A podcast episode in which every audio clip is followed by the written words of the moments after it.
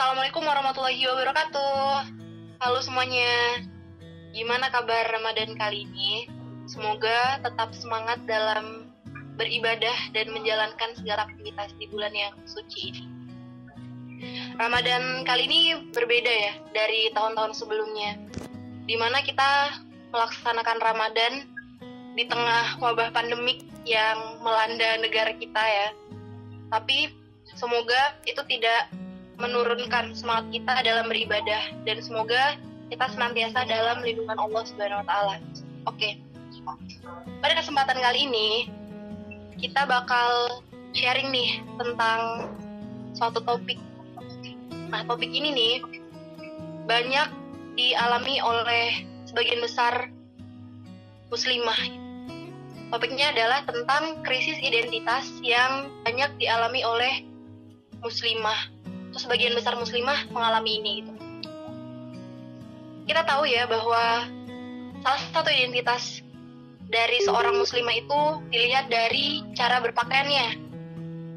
Di mana salah satu kewajiban kita adalah menutup aurat gitu. Tapi pernah nggak sih teman-teman merasain nggak percaya diri gitu sama pakaian yang teman-teman pakai gitu? Atau teman-teman nggak percaya diri sama ketika teman-teman menutup aurat gitu. Tapi kali ini aku nggak sendiri nih teman-teman. Aku ditemenin sama dua sahabat aku yang bakal nemenin kita bahas tentang krisis identitas ini. Yang pertama ada Vika. Hai. Assalamualaikum Vika. Waalaikumsalam. Halo, apa kabar Dil? Alhamdulillah baik. Oke lanjut ya. Yang kedua ada Mira. Assalamualaikum. Waalaikumsalam warahmatullah. Hai Mir, apa kabar? Alhamdulillah sehat-sehat. Gimana nih Ramadannya? Alhamdulillah, lumayan top. Oke kali ini kita bakal sharing nih tentang krisis identitas yang sebagian besar muslimah itu ngalamin yaitu tentang cara berpakaian ya. Oke. Dari kalian sendiri Hmm. pernah nggak sih ngalamin krisis identitas ini gitu dalam hal berpakaian bagi seorang muslimah? Dari siapa nih? Dari Vika. Gimana Vika? Oke, eh, dari aku sendiri nih ya. Kalau mau di- dibilang atau ditanya pernah ngalamin krisis identitas yang tentang menutup aurat itu atau enggak, jelas lah karena di di perdunia muslimahan apa sih? Ya bisa dibilang aku paling baru kan di antara kalian semua gitu. Ya pasti itu ada masalah kan sama aku. Dan aku pasti mengalami hal itu gitu jadi eh, ya bis kalian tau lah kalian tau lah eh, kapan aku mulai pakai kerudung pakai hijab kayak gini maksudnya Iya. menutup menutup dada gitu yang memang seharusnya seperti apa tuh kan memang baru banget ya ya kalian tau lah kayak baru semester 4 semester 5 gitu kan Hmm. Iya benar-benar. Ya, jadi eh, kalau mau eh, diceritain, cerita nih ya dari awal nih ya perjalanan. Iya. Jadi aku tuh pakai hijab eh, SMP, tapi pakai hijab itu bukan karena aku udah tahu, tapi memang karena tuntutan gitu dari dari sekolahku, dari SMP ku gitu. Iya, iya. Terus eh, ya selama di SMP pakai hijab ya masih buka tutup buka tutup. Kalau sekolah pakai kalau nggak sekolah ya nggak pakai. Kalau pergi-pergi nggak pakai. Bahkan aku tuh dulu anak voli. Jadi kalau latihan voli ya pakai pendek-pendek gitu astagfirullah. Terus singkat Kayak belum istiqomah lah ya. betul. Terus jangan kan istiqomah tahu kalau misalnya kerudung itu memang harus itu aja belum belum tahu gitu. Eh, terus singkat ke SMA gitu ya. Jadi waktu masuk SMA aku tuh lepas hijab lagi gitu. Jadi aku masuk SMA tuh nggak berhijab. Astagfirullah jadi masuk SMA tuh nggak berhijab. Tapi cuman bertahan satu tahun sih nggak berhijab. Jadi kelas 1 nggak pakai hijab kelas 2 mulai pakai hijab. Dan lagi-lagi pakai hijabnya itu uh, bukan karena memang aku tahu harus kalau seorang muslimah tuh memang wajib loh. Allah sendiri loh yang bilang bahwa kita tuh wajib menutup aurat. Itu belum belum tahu. Belum tahu deal jadi uh, ya waktu itu alasannya ceritanya gini. Jadi uh, lomba nih lomba kayak pramuka gitu. Terus habis itu uh, pembina aku bilang kita pakai serag diseragamin aja ya pakai kerudung semua. Karena memang mayoritas pakai kerudung waktu itu. Eh pakai hijab waktu itu. Terus uh, habis itu setelah lomba terus kayak mikir ngeliat-ngeliat fotonya ngaj uh, terus habis itu ada ada pikiran gini kok cantik ya pakai kerudung? Kok cantik ya pakai hijab? gitu kan. Wah. Serius. Ya terus terus? Terus terus jadi besoknya bilang sama ibu bu aku mau pakai hijab gitu aku mau pakai kerudung. Waktu itu kerudung ya ngomongnya. Udah loh kita pakai bahasa kerudung aja kali ya yang yang semua tahu. Boleh ya aku pakai bahasa kerudung ya iya iya. Ya, ya. boleh boleh. Terus uh, aku mau pakai kerudung. Ibu sempat nanya sih mau dibuka lagi nggak? Gitu kan. Cuman nggak nggak aku mau pakai kerudung gitu. Tapi ya itu tadi memang alasannya aku pakai kerudung karena aku tampak cantik waktu itu. Awalnya karena cantik ya. Ah ya benar-benar. Karena ngerasa cantik. Dan ya yang memang pakai kerudung itu ya yang penting pakai gitu gitu aja sih. Sampai akhirnya masuk kuliah singkat cerita masuk kuliah. Dan sempat aku sempat kan sering ding sering malah. Kalau misalnya lagi di kosan bilang eh aku kalau pakai kerudung panjang gini aneh nggak sih? Cantik nggak sih? Gitu nggak sih. Itu kan menurut aku kayak wah gangguan nih. Masa iya sih menutup menutup aurat? Aurat yang biar kelihatan cantik gitu ya? Mm, mm, mm, yang semestinya kok masih nanya cantik enggak? Masih kayak peduli apa apa kata orang gitu kan. Terus yeah. ya aku bersyukurnya sih bersyukurnya waktu di, di waktu di kuliah tuh ketemu orang-orang yang alhamdulillah mendukung. Asik. Iya. Kayak klan-klan gitu lah tapi serius deh namanya lingkungan tuh penting. Kayak kayak misalnya dulu aku pakai kerudung panjang we bu haji gitu. Atau sering aku kayak misalnya iya iya. Iya pakai kerudung panjang gitu ya. Pernah ke warung. Diliatin gitu dari jauh kayak Vika kamu mau ke mana? Nggak ke mana-mana mau ke warung. Kayak gitu. Bahkan pernah aku dibilang gini itu kerudungmu tuh sebenarnya kerudung apa mau kena bayangin. Jadi banyak cibiran ya? Iya benar-benar terus alhamdulillahnya pas pas akhir-akhir uh, ini ya di tempat kuliah ketemu orang-orang yang dukung gitu. Kayak misalnya aku nanya uh, aku kalau pakai kerudung kayak gini aneh nggak? Cantik nggak? Dan orang-orang itu bilang cantik bu cantik gitu. Iya benar. Vika lebih cantik kalau pakai kerudung kayak gitu gitu. Jadi itu kayak gimana ya? Menambah kepercayaan diri gitu. Dan alhamdulillahnya ya udah habis dari situ nyoba pakai kerudung uh, yang menutup dada gitu ya. Dan alhamdulillah nyaman. Sekarang malah kalau misalnya nggak nggak menutup dada tuh kayak kayak nggak pakai kerudung kayak nggak pakai baju gitu ngerasanya sih. Gitu. Oh ya terus ada lagi nih. Dari salah satu sahabat aku bilang kayak gini. Jadi aku jadi aku mikir gini Mir aku tuh takut nggak bisa mempertanggungjawabkan apa yang udah aku pakai gitu. Jadi aku pengennya memperbaiki diri dulu baru pakaiannya yang benar gitu. Terus Mira bilang gini guys. Coba bu mindsetnya diubah. Namanya namanya jilbab pakaian sama ahlak itu nggak nggak jadi satu kesatuan gitu. Jadi namanya berhijab syari itu wajib gitu. itu hukumnya wajib buat kita masalah gimana kita dalamnya ya nanti bah ya nanti kerudung kerudung apa eh kerudung yang kamu pakai atau pakaian apa yang kamu pakai itu bisa bisa bantu ngejaga gitu jadi bukan berusaha jadi baik terus berkerudung tapi berkerudung dulu baru nanti perilaku kita itu bisa bisa dibatasin sama apa yang kita pakai gitu. Jadi Mira bilang gitu deal Wah, subhanallah ya. jadi dari situ dari situ kan aku mikir iya juga ya udahlah pakai dulu. Dan ini dan ini aduh jadi banyak cerita gak apa-apa deh ya. Dan ini Gak apa-apa. dan ini benar-benar kejadian kayak aku misalnya gini aku kan sering tuh nginep nginep di kosan Mira. Aku pakai baju Mira itu perilakunya tertata sekali. Iya. Serius? Kayak, Beda ya. Mm-mm, kayak aku ngerasa wah aku pakai baju Mira kok rasanya iya kayak tingkah lakuku tuh kayak nggak bisa sembarangan gitu. Serius serius. Ini nggak tahu deh itu kejadian bener sama aku.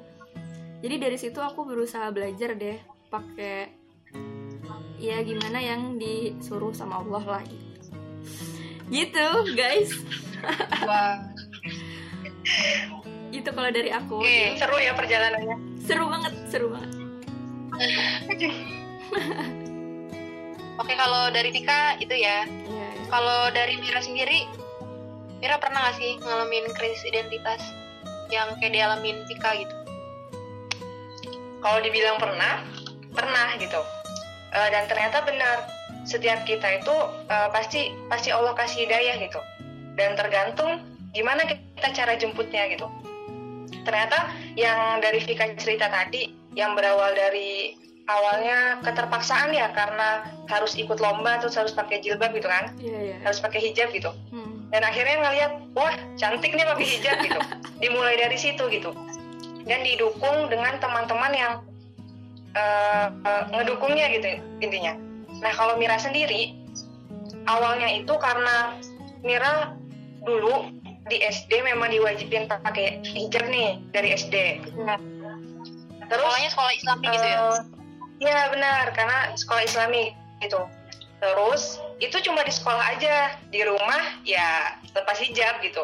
Terus di kelas 6 kalau nggak salah Mira itu ikut ngaji gitu, ikut halakoh. Di situ ada amahnya, amahnya itu pakai hijab syar'i gitu. Dan Mira ngerasa ngeliat amah itu kayak ngerasa adem gitu. Nah dari situ Mira coba deh, Mira coba gimana sih rasanya pakai hijab syar'i gitu. Dan dari situ Mira coba, Mira coba pakai hijab syar'i dan ternyata nyaman gitu. Dan di situ Mira ngerasa, oh nyaman ya ternyata. Nah, waktu SMP ternyata benar lingkungan itu sangat berpengaruh. Waktu di SMP Mira ngerasa, oh teman-teman jilbabnya eh, biasa ya gitu. Kenapa Mira harus pakai hijab syar'i gitu? Mm-mm. Nah di situ mulai kayak ngerasa nggak istiqomah gitu loh. Ternyata kenapa gitu? Karena Mira belum tahu sebenarnya apa sih manfaat pakai hijab. Terus kenapa iya. eh, Mira harus pakai hijab gitu?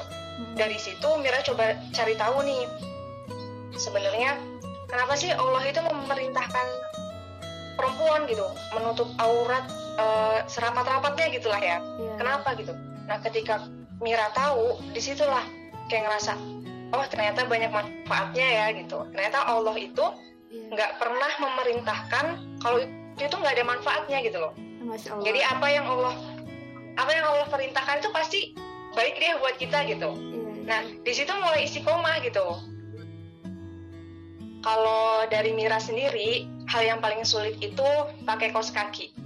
Nah itu. jadi awalnya itu eh, ngerasa pakai kaos kaki itu sepele banget gitu loh apa sih cuma kaki gitu kan Iya. ya nggak sih Iya bener banget. Iya. Bener banget sih. ya kan awalnya tuh ngerasa gitu gitu tapi ternyata eh, ketika kita tahu aurat perempuan gitu ya kaki juga ternyata aurat gitu loh ya mau nggak Hmm. mau awalnya dari keterpaksaan gitu ya udahlah coba deh pakai kaos kaki ya ada awalnya mungkin masih sering nggak pakai gitu loh. Awalnya sering nggak pakai gitu. Apalagi nih eh, hal yang paling sulit misalnya kita wudhu misalnya kita wudhu ya Ah, uh, Di wudhu tempat- di waktu kuliah deh misalnya. Di tempat umum. Iya betul. di tempat umum gitu. Terus setelah wudhu ah pakai kaos kakinya nanti aja deh di kelas gitu misalnya. Oh iya. Iya. Mira tuh masih masih masih sering mikir kayak gitu gitu loh. Tapi Iya, Mira iya. mikir lagi eh, emang ada yang jamin nggak ada ikhwan yang lewat ketika kita ke kelas gitu. Jadi serius serius Oke. ya eh, ya udah dipaksain. Gimana caranya? Setelah wudhu langsung pakai kaos kaki gitu. Terus tuh kadang kita ngerasa gitu ya Hmm. beberapa kali kita tuh pengen coba jadi lebih baik gitu. Tapi banyak cibiran dari orang. Kayak kisahnya Vika tadi ya. Benar benar benar banyak cibiran dari orang gitu. Banyak cibiran dari orang gitu. Tapi Mira Mira ingat lagi nih. Ini sih Mira dengar dari Dila dulu pernah bilang sih. Waduh.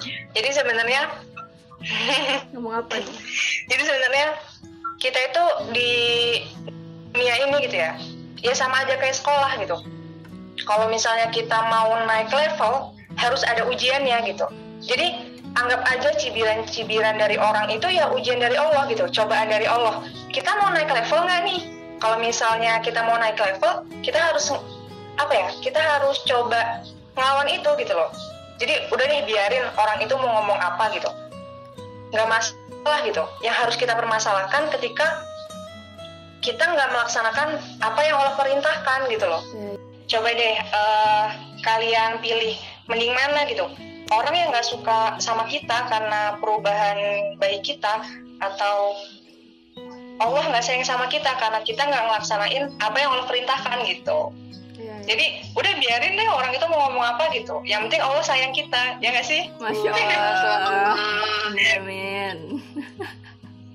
Artinya kita itu hidup itu karena Allah dan untuk Allah gitu ya. masya Kan kita Iya, bener diciptakan beribadah kepada Allah gitu. Jadi selama itu nggak keluar dari apa yang Allah mau ya, insya Allah nggak apa-apa gitu ya. ya ya iya bener banget sepakat sepakat Iya, sepakat deh ikutan juga mungkin cerita dari Mira itu aja gitu. Eh, setelah Mira bilang kayak gitu aku ingat kata-kata dari Hawariun yang gini segala sesuatu itu memang yang paling penting adalah informasi. Informasi apa yang kita tangkap informasi apa yang kita dapat informasi apa yang kita cari itu bakal eh, mempengaruhi perilaku kita sikap kita pemikiran kita ya nggak sih? Dan informasi yang harus dicari itu ya kalau memang perilaku kita mau jadi baik ya informasi yang harus dicari memang harus baik dan sumber-sumbernya juga harus yang bagus gitu ya nggak sih? Artinya kan kalian pernah gitu ya berada di posisi itu gitu, Iya. merasakan krisis identitas lah ya. Hmm. istilahnya. Nah, cara kalian keluar dari zona itu, ini cara kalian biar keluar dari krisis identitas itu gimana sih gitu? Hmm. dari siapa dulu nih Mira dulu deh Mira Oke dulu. dari Mira dulu deh. Oh oke oke. Eh, Sebenarnya udah sedikit tadi dijelasin di awal ya. Pertama sih kalau Mira eh, selain tadi udah tahu manfaatnya, terus yang kedua tuh Mira ngerasa gini, amanah pada diri Mira ini berat banget gitu. Jadi Aduh, jadi seorang muslimah gitu ya, itu tuh amanah yang paling berat kalau menurut Mira. Iya. Iya kenapa sih, gitu? iya. Kenapa gitu? Karena ketika kita baik gitu ya, kita itu mencerminkan, oh Islam itu baik ya gitu. Jadi benar-benar perilaku kita gitu ya, penampilan kita itu tuh menggambarkan bagaimana Islam gitu. Jadi benar-benar harus dijaga gitu. Iya benar-benar. Coba misalnya perilaku kita buruk, terus eh, penampilan kita nggak sesuai syariat gitu ya, orang itu bakal mikir, loh, emang Islam itu seperti ini ya? Iya sih, Iya, iya benar-benar.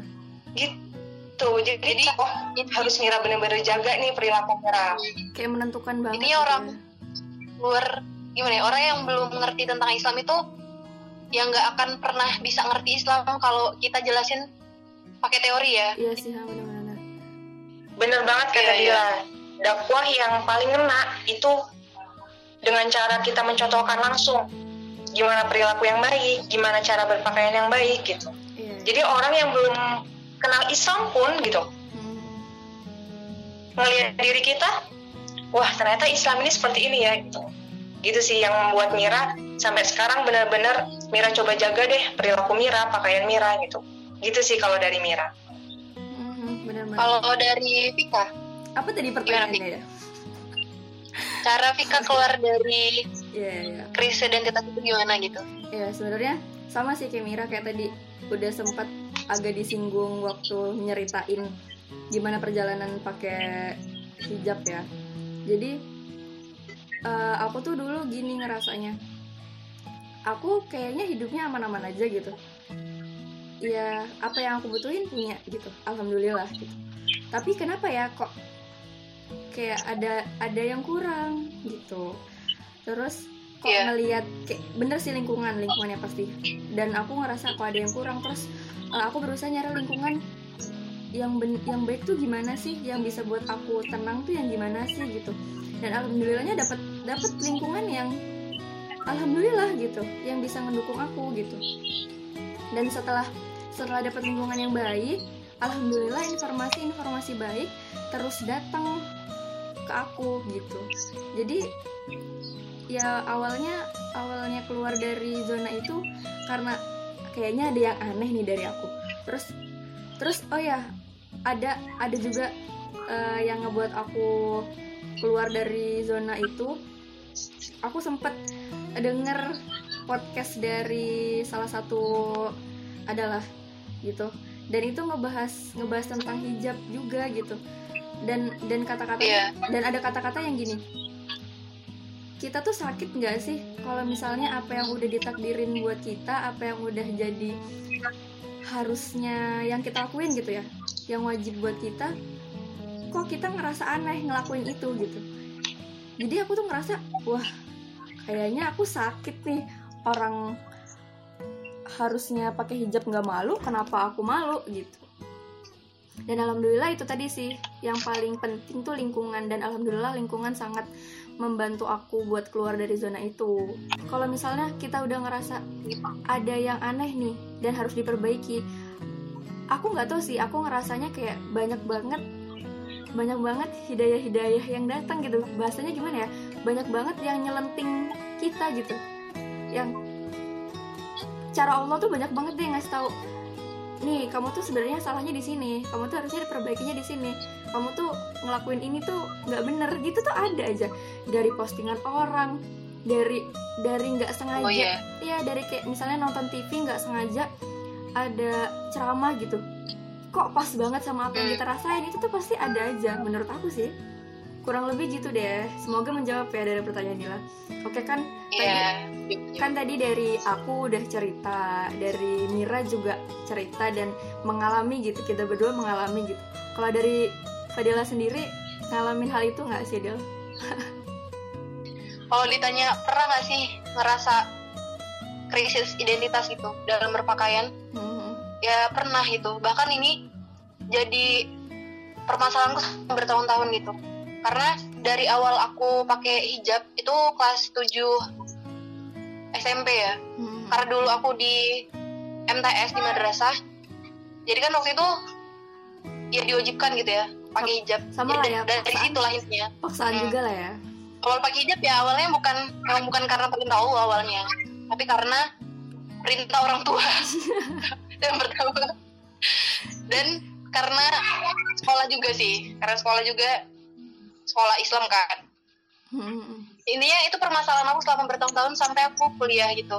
Kuliah aku baru pakai hijab yang bener-bener sesuai syariat lah ini ya krisis identitas yang aku alamin tuh lebih ke nggak percaya diri sih Hmm. ketika mau pakai hijab lebar mau pakai kaos kaki gitu Hmm. padahal kan sebenarnya hmm, aku udah pakai kaos kaki itu dari SMP sebenarnya tapi masih pakai celana terus hijabnya belum lebar gitu Hmm. kenapa kayak gitu kenapa prosesnya lama sampai dari awal aku apa ya dari awal aku pakai hijab sampai aku kuliah itu baru yang menutup aurat secara sempurna gitu ya Hmm. kenapa prosesnya lama karena lebih ke nggak percaya diri itu tadi gitu nggak percaya diri malu takut diomong-omongin gitu loh kadang kan ada teman-teman kita yang ngejek ngejek ngejekin gitu loh Iya iya. mereka bercanda sebenarnya kayak assalamualaikum gitu kalau ketemu Iya iya. ya dia, dia Oh, ya gitu lah. Iya iya iya. iya. nah padahal kan sebenarnya dia nggak salah kan dia Iya. ngomong assalamualaikum gitu kan. Iya tinggal jawab aja. malah bagus ya dia mendoakan kita gitu. Iya, tapi iya. ya nggak percaya diri gitu. Hmm. padahal kan seharusnya kita yang benar kata Mira tadi bangga ya ketika kita menjadi seorang muslimah. Karena nggak semua orang gitu dikasih amanah menjadi seorang muslimah ini gitu. Iya iya. Hmm, benar-benar. Dan masalah terbesar aku juga itu kayak aku tuh nggak mau beda gitu loh sama teman-teman aku yang lain Iya, karena kan lingkungan aku itu teman-temannya jarang gitu yang pakai- gitu ya mm, pak- pakai pakaian yang menutup aurat gitu Hmm, hmm, hmm. padahal kan seharusnya ada kita tuh bangga ya ketika kita merasa beda Iya. karena ada hadis kan yang menyatakan bahwa Islam itu kan datangnya dalam keadaan asing gitu. Dan akan kembali kepada dalam keadaan asing gitu. Hmm, hmm, hmm. maka beruntunglah orang-orang yang merasa asing. Artinya asing ya beruntunglah gitu. Selama Tapi dulu bener aku ya. gitu kalau ngerasa beda Hmm, sama temen-temen. Hmm, gitu sih. Dan intinya dari krisis identitas yang aku alamin itu ada dua hal sih. Sama mungkin kayak Vika sama Mira ya. Apa yang merasa penting itu. Yang pertama lingkungan Hmm, lingkungan tuh emang bener-bener mempengaruhi gitu. Karena mau nggak mau tanpa kita sadari ya itu amat sangat mempengaruhi gitu. Kan ada pokoknya ada pernah dengar gitu intinya hmm, kalau kita temenan sama orang yang jual parfum ya kita bakal ikut wangi juga gitu. Iya, tapi kalau misalnya kita temenan sama seorang pandai besi gitu ya iya. ya kita bakal kecipratan juga apinya gitu. Hmm. jadi amat sangat mempengaruhi sih lingkungan. Karena pernah kan aku udah pakai hijab tuh waktu aku pas 7 SMP iya iya. Terus ada suatu kejadian aku ketemu sama teman-teman aku Hmm, hmm. zaman SD Hmm, hmm, hmm. ya dan kok waktu aku ketemu mereka aku lepas hijab lagi. Karena aku harus diri tadi. Takut diceng-cengin tapi tadi. Hmm, itu jangan ditiru ya. Dan yang kedua ilmu ya bener informasi ya Hmm, hmm, hmm. karena sebaik apa pun lingkungan kita Mm-mm. tapi kalau misalnya kita nya sendiri nggak paham gitu kenapa kita harus menutup aurat atau ini kita nggak tahu deh landasan kenapa kita harus menutup aurat ya itu sama aja gitu Iya, jadi kedua-duanya itu sama-sama penting gitu. iya. dan itu tadi benar kata Mira dalam setiap apa ya dalam setiap amar ma'ruf nahi mungkar ya Hmm, itu pasti ada, ada aja ujiannya gitu. Entah kita awalnya merasa merasa nggak percaya diri takut dijauhin teman takut dia ngomongin itu awalnya aku ngerasa gitu kan. Iya, iya. tapi tenang aja gitu. Ketika kita meninggalkan sesuatu karena Allah hmm, hmm. insya Allah Allah akan bantu gitu. Masya Allah. Masya Allah ya. Dari cerita kita bertiga itu intinya masalah yang dihadapin sama lah ya Iya sama dan solusinya hampir sama gitu Iya Iya gitu tentang apa tentang lingkungan ya ah, ah, benar. tentang lingkungan yang baik, tentang informasi gitu. Hmm, hmm, hmm. Dari Vika sama Mira nih ya, pesan untuk teman-teman yang sedang atau pernah mengalami krisis identitas ini. Buat teman-teman yang mungkin sedang mengalami sam, eh, apa yang kita alami Apa yang pernah kita alami gitu ya. Ya, yang pertama gimana cara taunya kalau kalian lagi ngalamin itu? Gini sih kalau menurut aku. Kalau emang ada sesuatu yang ngeganjel di hati kalian Kalian ngerasa nggak tenang berarti itu ada yang salah dari diri kita gitu. Ada yang salah dari diri kita semua gitu. Dari diri kalian Jadi hal pertama yang harus dilakukan adalah cari informasi gitu. Cari informasi apa yang ngebuat kita nggak tenang. Setelah kita tahu informasi ya cari lingkungan yang baik yang bisa ngedukung kita gitu. Jadi kalau memang ada yang salah ya ayo cepat-cepat diperbaiki gitu. Karena kalau misalnya kita udah tahu ada yang salah tapi didiemin aja nanti rasa itu bakal hilang lagi gitu. Jadi kayak ngerasa rasa-rasanya tuh datang hilang datang hilang gitu loh Dil. Jadi kalau pas datang nggak cepet-cepet kita tangani dia bakal hilang lagi gitu. Menurut aku sih gitu. Jadi yang paling penting sih yang pertama kalau ngerasa ada yang yang aneh dari diri kita cari informasi dan cepet-cepet cari lingkungan yang bisa ngedukung kita. Gitu sih. Dan oh ya buat teman-teman semua buat kalian kamu kamu kamu jangan pernah ngerasa kalau kamu itu sendiri. Jadi kamu tuh nggak sendiri di sini. Pasti bakal ada banyak orang yang bisa ngedukung hal baik yang mau kalian lakuin. Gitu Wah, subhanallah. Dari Mira, gimana Mir pesannya? Kalau dari Mira sih, semua orang itu pernah salah gitu. Semua orang itu pernah berada di masa yang dia nggak tahu apa-apa. Tapi sekali lagi, hidayah itu nggak bisa datang sendiri, tapi harus kita jemput. Iya. Iya. Jadi coba belajar bersikap, terus berpenampilan dengan apa yang Allah perintahkan gitu, dan nggak usah malu. Jadi kita sebagai muslimah itu harusnya bangga gitu loh, menerapkan ketaatan dan ketakwaan kita gitu kepada Allah. Jadi sekali lagi jangan malu. Terus eh, tunjukin, tunjukin bahwasanya kecintaan kita sama Allah itu lebih besar dari kecintaan kita kepada dunia gitu. masya Allah Wah, Dan, dan satu lagi, perempuan itu istimewa dengan akhlaknya. Terus perempuan itu istimewa dengan pemikirannya. Dan perempuan itu istimewa dengan hijabnya. So, untuk kalian cobalah jadi istimewa gitu. Allah, Cukup. emang paling the best ini Wah, luar biasa ya. Pesan dari Vika dan Mira. Jadi dari pembahasan kita kali ini ada beberapa kesimpulan mungkin yang bisa kita ambil ya. Yang pertama, kita perlu adanya informasi atau ilmu gitu. Kenapa kita harus berhijab? Kenapa kita harus menutup aurat? Itu penting kita pahami. Dan yang kedua, setelah ilmu atau informasi, lingkungan.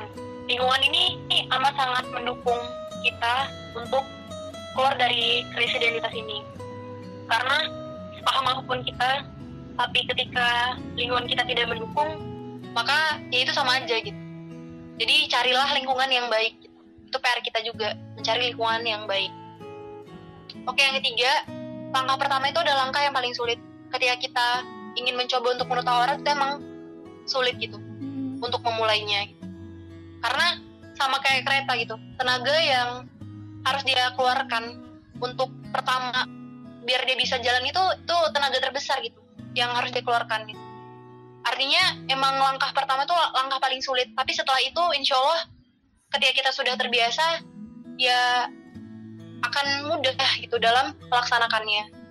Dan yang terakhir adalah masalah terbesar dari krisis identitas ini lebih ke kita nggak percaya diri, kita malu, kita takut diomongin, terus kita takut di ejek ya, takut dibully. Intinya kita belum bangga lah sebagai seorang muslimah dengan pakaian kita gitu. Gak apa-apa teman-teman itu wajar gitu. Karena mungkin teman-teman yang kita lihat hari ini sudah menutup aurat, itu juga pernah merasakan itu gitu. Itu bagian dari proses dan setiap kita ingin melaksanakan kebaikan itu pasti ada ujiannya. Karena kan memang sejatinya dunia ini memang tempat diuji ya. Masalahnya adalah bagaimana kita bisa menghadapi ujian-ujian itu. Tetap semangat dalam berproses intinya. Dan yang namanya ibadah itu karena Allah teman-teman. Bukan karena orang lain gitu. Jadi gak usah mikirin orang lain bakal ngajuin kita apa enggak.